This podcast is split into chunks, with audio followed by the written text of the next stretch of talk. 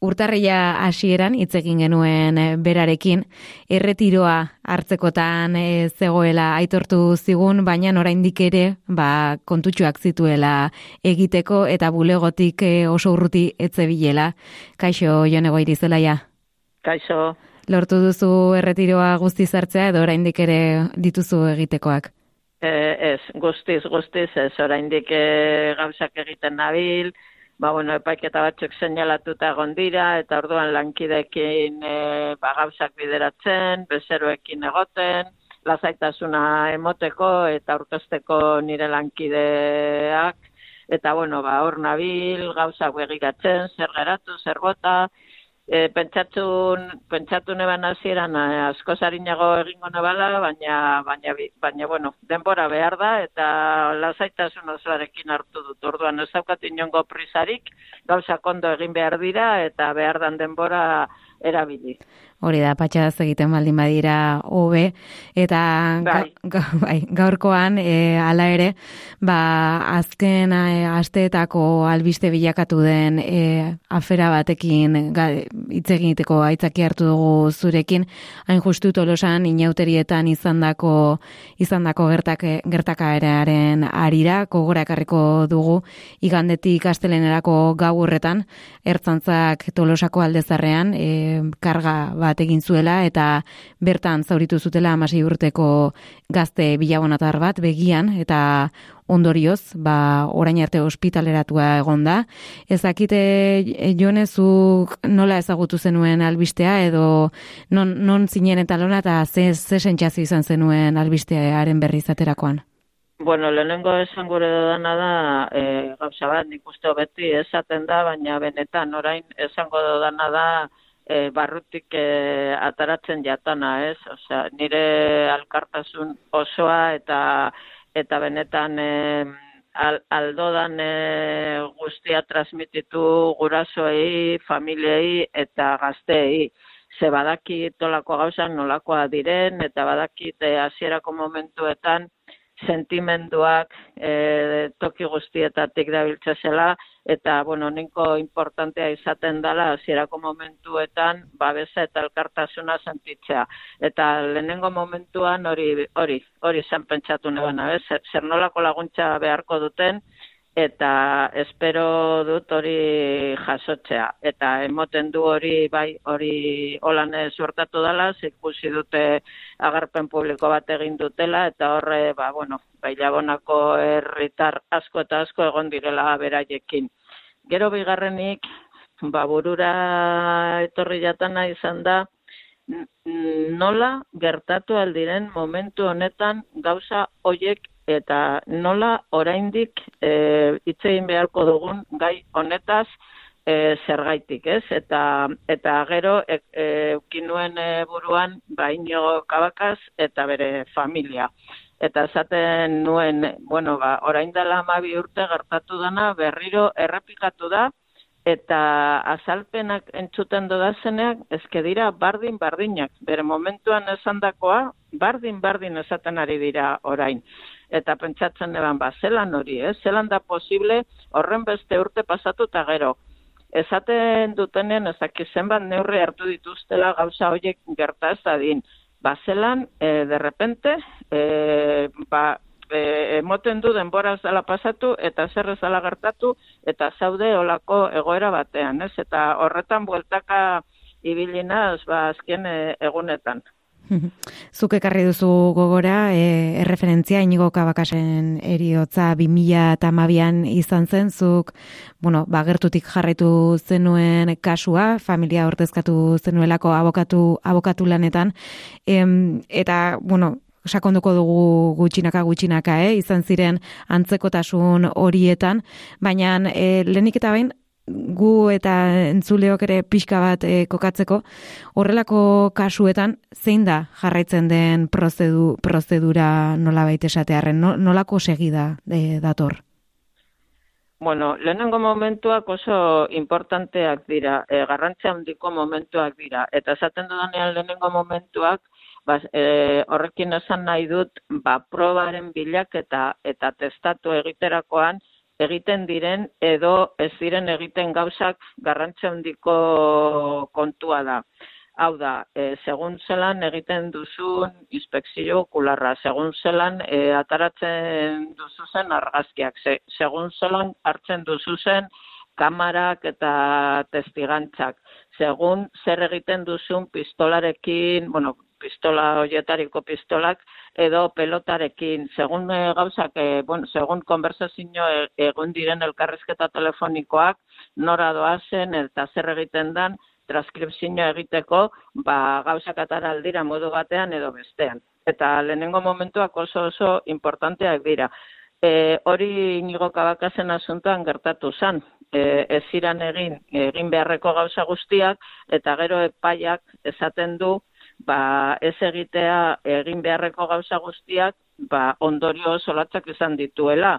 Eta ez, epaiak esaten duena da, ba, bain zuzen ere, gauza batzuk ez ekertzea, ba, eraman gaitue e, toki konkretu batera, eta ezin izan dugu adibidez e, aztertu beste gauza batzuk, eta kasu horretan esaten zuen argita garbi, ba, pertsona batzuk ez zirela inpotatu moduan agertu, edo gauza batzuk ikertu gabe geratu zirelako, ba, trajektoriak eta gauza asko, ba, gero ondorioak izan direla e, epaitegian. Orduan, e, lehenengo momentuak oso importanteak dira, eta kontutan hartu behar da, gertatzen diren gauza guztiak. Horregaitik oso importantea da, salaketa egitea, eta e, akusazio partikular modure aurtestea zure burua epaitegi epaitegi batean, epaitegi, osea, epaitegiak eramaten ditu e, diligentzia guztiak eta akusazio partikular modure egotea importantea da, ze bestela izten duzuz gauza guztiek fiskalaren eskuetan.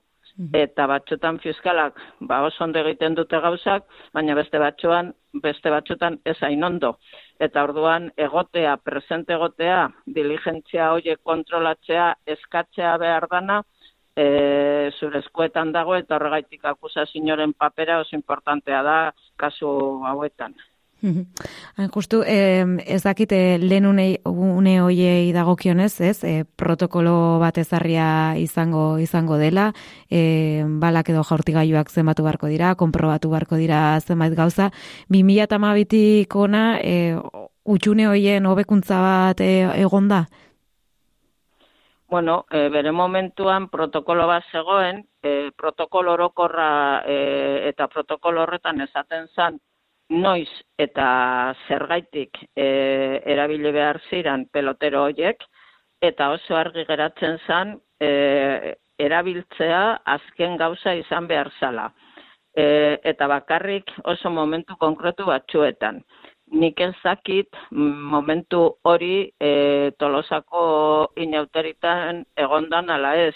Ezaten dute e, jende desberdinen arteko borroka egondala eta horregaitik sartu zirela. Eta sartu zira jai giroan egondan toki batean, orduan lehenengo hausnarketa egin behar zana zen protokolo hori kontutan harturik, baia beharrezkoa zan eta aztertu behar zan beharrezkoa zan eta gero e, beharrezkoa bazan proporzionalidadea ere eta ziurtasuna eta ez dakit hori aztertu dan ala ez.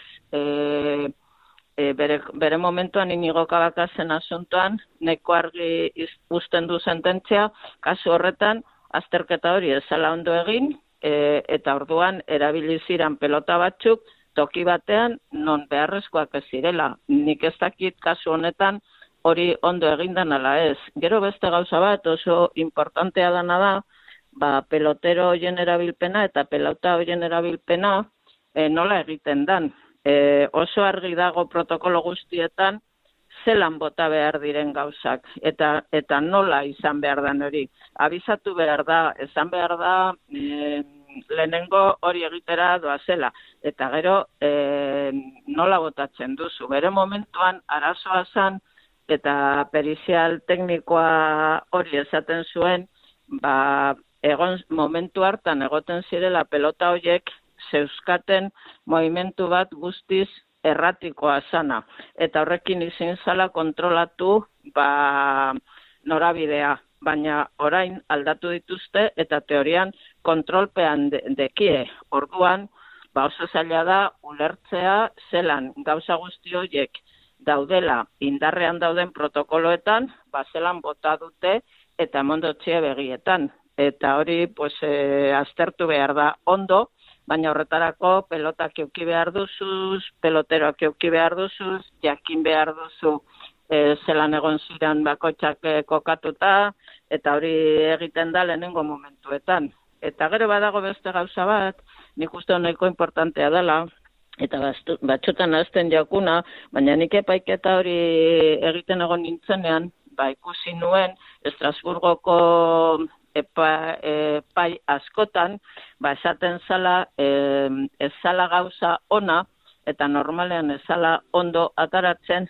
polizia batek bere buruari aztertzen eta ikertzen azten bada. Mm ondorioak pos askotan e, zalantzan jartzen zituzten. Ba hori kasu honetan e, da hemen gertatzen dana, ez? Ertzainak investigazioa egiten du ertzainari buruz eta bueno, pues Estrasburgoko epaietan esaten dute hori e, ez dala holan egin behar, eta egiten danean, ba, askotan emaitzak ez direla baliogarriak. Mm Hain justu horregatik galdetu behar nizun, e, Josu Erkorekak azaldu zuelako, bueno, ertzantzaren barne ikerketa martxan zela, baina e, gauza horiek motelak zirela, eta hain justu zuke azpimarratu du, duzu ez, lehenengo ordu hoien e, garrantzia frogak erregistratzerako orduan e, nork agindu duen e, jaurtigailuak botatzea, nola e, zenbat bota diren e, kontrasonkorra dirudi. Bueno, a ber, berak hori esan behar du, ze gainera indarrean dagoen legea e, hori planteatzen du. Akaro, in, investigazio, barruko investigazioa edo barruko ikerketa egiten danean, e, salaketa penala egoten bada, ba bertan bera geratzen da. Ze legeak esaten duena da, ez direla batera garriak izaten eta orduen normalean e, izten da epaitegiaren eskuetan investigazioa eta hori amaitzen danean orduan hasten da barruko ikerketarekin.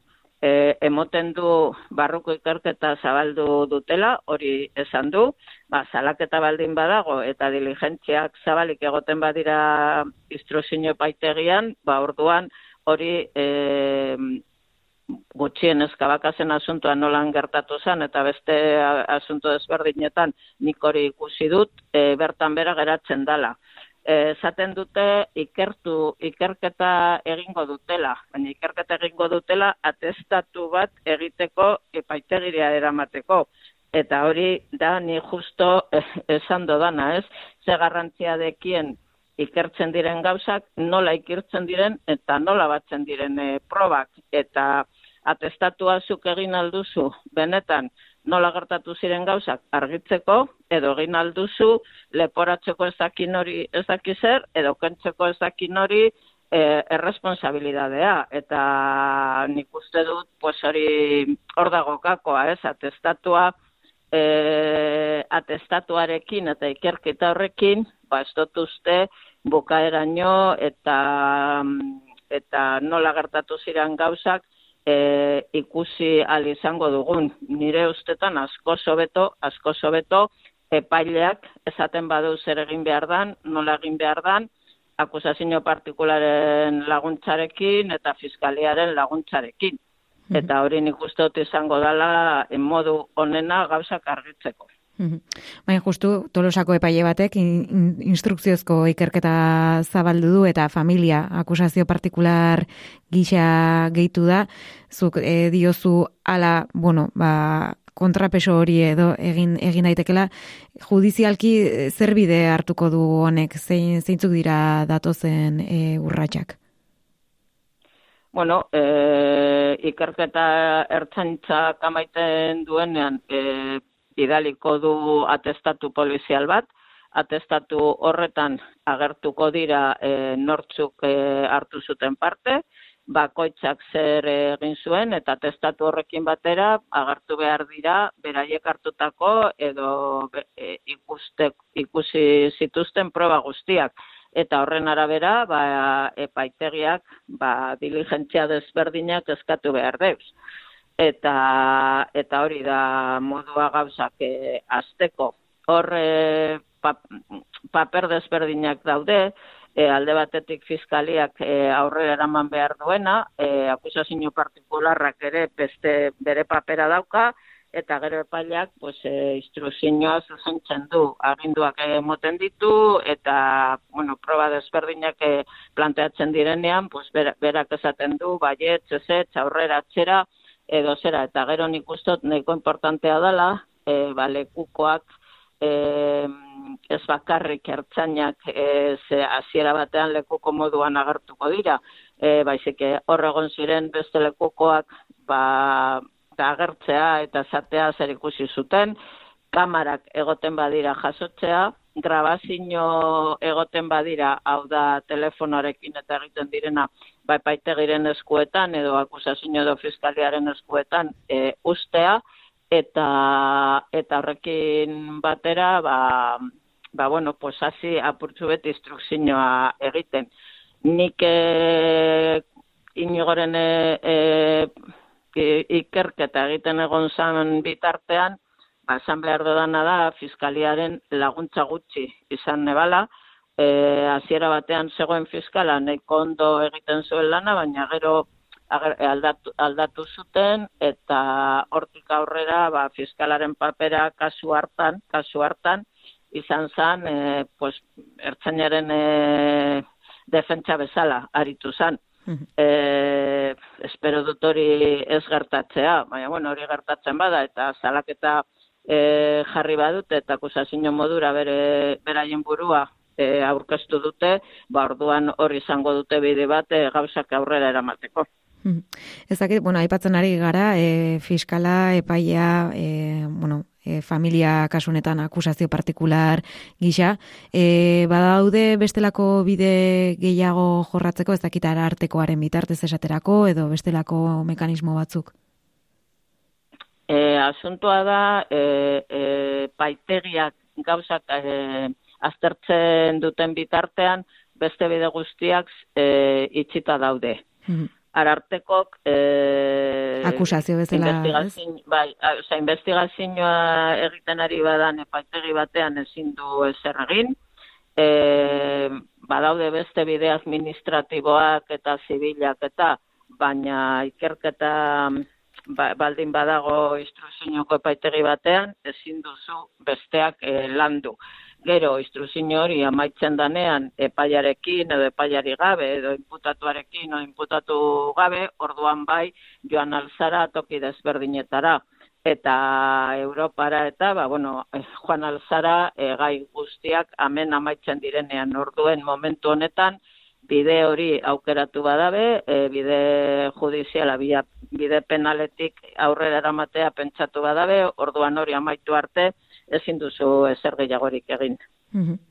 E, askotan, bueno, erre, errexago e, jotzen ditugu begiz, ez, ar, argipen eta hitz egiten dugunean aparte, arduretaz ere e, hitz egin behar dela, agian ardura politiko eta hitz egiterakoan barrexago irudikatzen irudikatzen dugu, baina kasu honetan eremu judizialari dagokionean norena da e, ardura legala, esan nahi dute e, ertzantzan operazioaren burua da e, ardura legala edo kasu honetan norengain jarriko litzateke e, bueno, zama edo bueno, fokoa? E, ardura politikoetatik aparte eta hori e, epaitegitan ez da, ez da ikertzen, hori beste bide batetik e, egotekotan beste bide batetik e, egin behar da, baina ardura penalaren zera, ba, hor daude ba, nola baita esateko mm, gai diferenteak eta ardura desberdinak.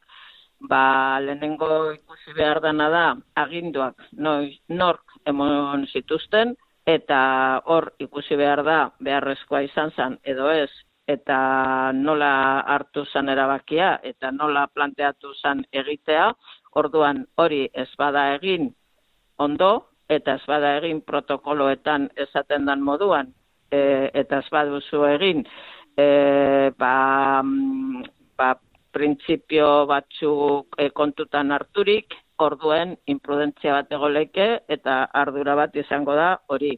Gero beste ardura oso konkretua da, lortzen baldin baduzu jakitean ordan, bat tiroa bota dauena, eta e, besteari emondo txona. Orduan hori beste ardura bat da, eta hori ardura zuzena da. Eta gero daude, ba beste ardura desberdinak, segun e, erabakiak non hartu ziran, eta zer gertatu dan erabaki bako, bakoitzaren ondoren. Baina hori jakiteko ikerketa egin behar da, eta e, hori ba, momentu honetan esateko noren ardura izan dan, nok egin duen, eta hori nik uste dut e, denbora oraindik fa, e, faltan dagoela, ze hasierako momentuan daude, horregatik oso importantea da hasieran gertatzen dana kontutan izatea hmm. eta ondo egitea egin beharreko gauza guztiak. Eta hor daude ardura desberdinak ez daude besterik. Gero bere momentuan egon ziren epai batzuk non esaten zan, banaiz eta ardura, mm, ardura dun zuzena ez egotea, bardura guztia asumitzen zuela agindua emon zuena. Baina inigoren epaiak hori baztertu zuen, mm eraman genuen hori tribunal gorenera, eta baita ere baztertu zuen, orduan jurisprudentziak ja hori ez du onartzen, orduan topatu behar dura, ardura zuzenak. Ados. Eta amaitzeko e, jone mai gainean izan den beste gaietako bat izan delako munizioa hitz egin nahiko nuke e, fon jarti gaiu horiek e, sir eta sir isa modeloak e, dira e, bueno, ertzantzak jaurti zituena Katalunian esaterako bigarrena e, debekatua dago. Ez dakit honen inguruan e, garapenik izan den edo bueno, pixka bat den zure iritzia ere honekin Bueno, nik uste dut e, pelotero horiek eta pelota horiek mm, oso arriskutsuak direla, e, horregaitik protokoloetan eta ginduetan e, kontu haundiekin ibiltzen da ezateko noiz erabili behar diran. Arazoa da hori zu gero imintzen dutxezu pertsona baten eskuetan. Eta, eta naiz eta ginduak emon, ba, gero pertsona horrek erabiltzen du eta nik uste otor dagoela arazoa. Eta orduen, ba, nik uste dut momentu honetan e, debate pendiente badaukagula. E, Hasi beharko garela ja pentsatzen zer nolako polizia gure dugun, e, eta esaten dugunean polizia herritarra e, ondoan daukaguna, gurekin dagoena, e, lanean, e, egin, lanean dagoela gurekin, ba, bueno, ba, hori oso ondo dago, baina horrekin batera e, eskubidean, eskubideak nola erabili eta nola landu jakin behar du, eta nik uste badaudela e, polizia mota batzuk, non olako artefaktak ez dituztela erabiltzen. E, Gran Bretañan adibidez, Eskozian eta eta e, beste herri batzuetan, ba, armak ez dituzte erabiltzen, bakarri porrak erabiltzen dute, eta kasu konkretu batzuetan. E, amen aldiz, e, zaten dute hori baztertu behar dela, eta beste modu batean planteatu behar dela, baina derrepente ikusten dugu, ba, batoki guztietara alegatuko direla armak, eta baita ere taserrak, eta baita ere zakizer eta zakinor ba, ondoria gero hor, hor dauzkaguz. Nik ustot e, ez da sakon eta luze eta ondo e, egin, egin behar da, lasaitasun osoarekin eta benetan pentsatu behar duguna da, zer nahi dugu egin, nola nahi dugu izan polizia eta zer nolako baldintzekin. Eta hori momentu honetan, olako gauzak sortatzen direnean, ba, konturatzen gara zer nolako garrantzia daukan, eta nik ustot horren inguruan, hitz egiten duzunean, pues igual baztertu behar duzuz gauza batzuk eta bestera batera planteatu. Baina hori da faltatzen jakun ez da bai da egitea. Ba, usnarketa horiekin agurtuko zaitu dute, jone mila, mila eskerra, alako gai korapilatxua etan argi pixka bat emateagatik gaurkoan, eskerrak asko gurean izateagatik. Bueno, espero dute zerbait argit, argituta geratzea, bestela, pues bueno, ba, gauza asko dira, mm, e, bueltasko emon behar duzuz gauza guztiai, baina, bueno, e, espero du zerbait gehiago argituta geratzea gure elkarrizketa eta gero, eta placer bat izan da, gure duzuen arte.